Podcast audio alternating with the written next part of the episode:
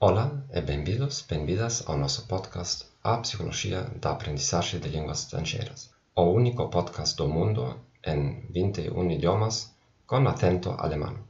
Chamo-me Gerhard Waband. Sou psicólogo, autor de livros e professor de língua alemã. Este podcast ajudará-te a melhorar as tuas habilidades linguísticas. Não importa se és um principiante ou um profissional. Não sou um experto em galego por supuesto, já o entendiches.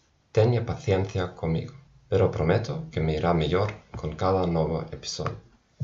Se descobriu este podcast agora mesmo, comprova primeiro os últimos episódios. A qualidade será muito melhor que nos primeiros. O tema do episódio de hoje é este: Culturas de contexto baixo e alto e o seu uso linguístico. Espero que não te perdiste o nosso último episódio. O perigo de métodos fáciles.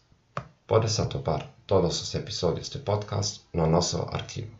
Se queres escoitar este podcast noutro idioma, entra no nosso sítio web, thegomethod.org. Ali tamén podes entopar enlaces aos meus livros e material gratuito. Queres mellorar o teu alemán? Simplemente envíame un correo electrónico para que poda beneficiar-se dunha consulta gratuita. Estou seguro de que podo ajudar.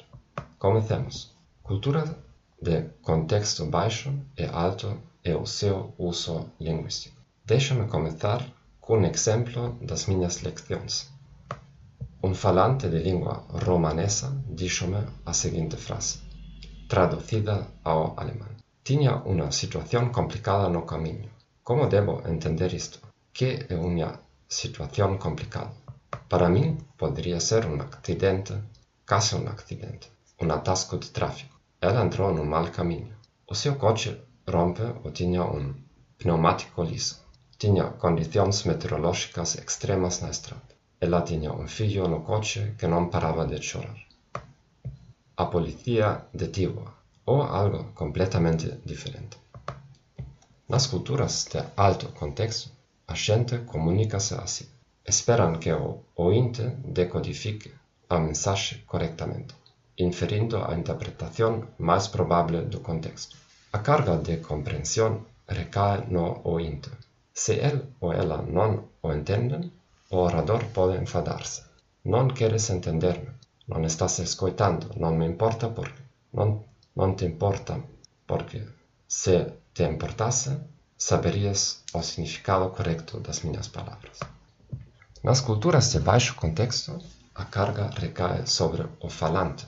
Se não me entende como alemão e deste uma cultura de baixo contexto, sinto que eu falei, não falei suficientemente concretamente. No seguinte episódio falaremos das implicações desta distinção. Graças por ter escutado o nosso podcast A Psicologia da Aprendizagem de Línguas Estrangeiras. Espero que esta información os servise de ayuda. Apúntate a nosa canle en Apple Podcast, Spotify, Stitcher ou a tua aplicación favorita. Recoméndanos aos teus amigos e compañeiros.